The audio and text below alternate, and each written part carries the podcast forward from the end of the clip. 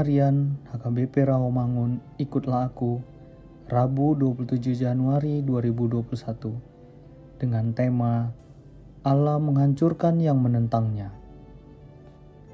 Bacaan kita pada pagi hari tertulis dalam Amsal 8 ayat 1 sampai 21 dan pada malam hari tertulis dalam Markus 3 ayat 13 sampai 19a dan kebenaran firman Tuhan untuk kita hari ini tertulis dalam 1 Samuel 2 ayat 10 yang berbunyi Orang yang berbantah dengan Tuhan akan dihancurkan.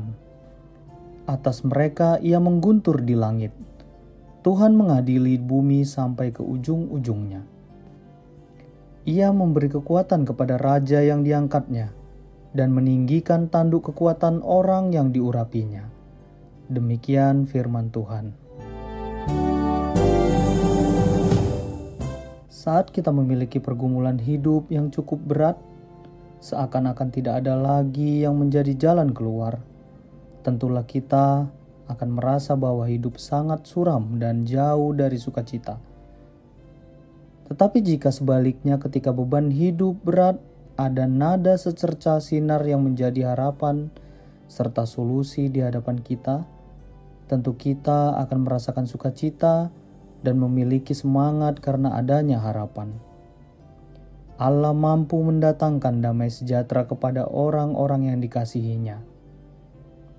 Tetapi juga sekaligus mampu memberikan kebinasaan bagi orang-orang fasik atau yang angku dan sombong.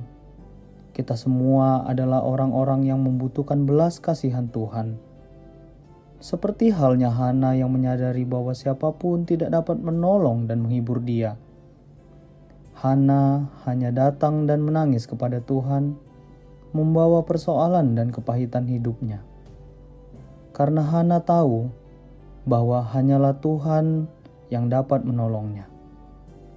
Demikian halnya dalam kehidupan kita, hanya kepada Tuhanlah kita dapat mengadukan setiap persoalan hidup kita tak satu pun dari dunia ini yang dapat memberikan pengharapan dalam hidup kita. Mari kita berdoa.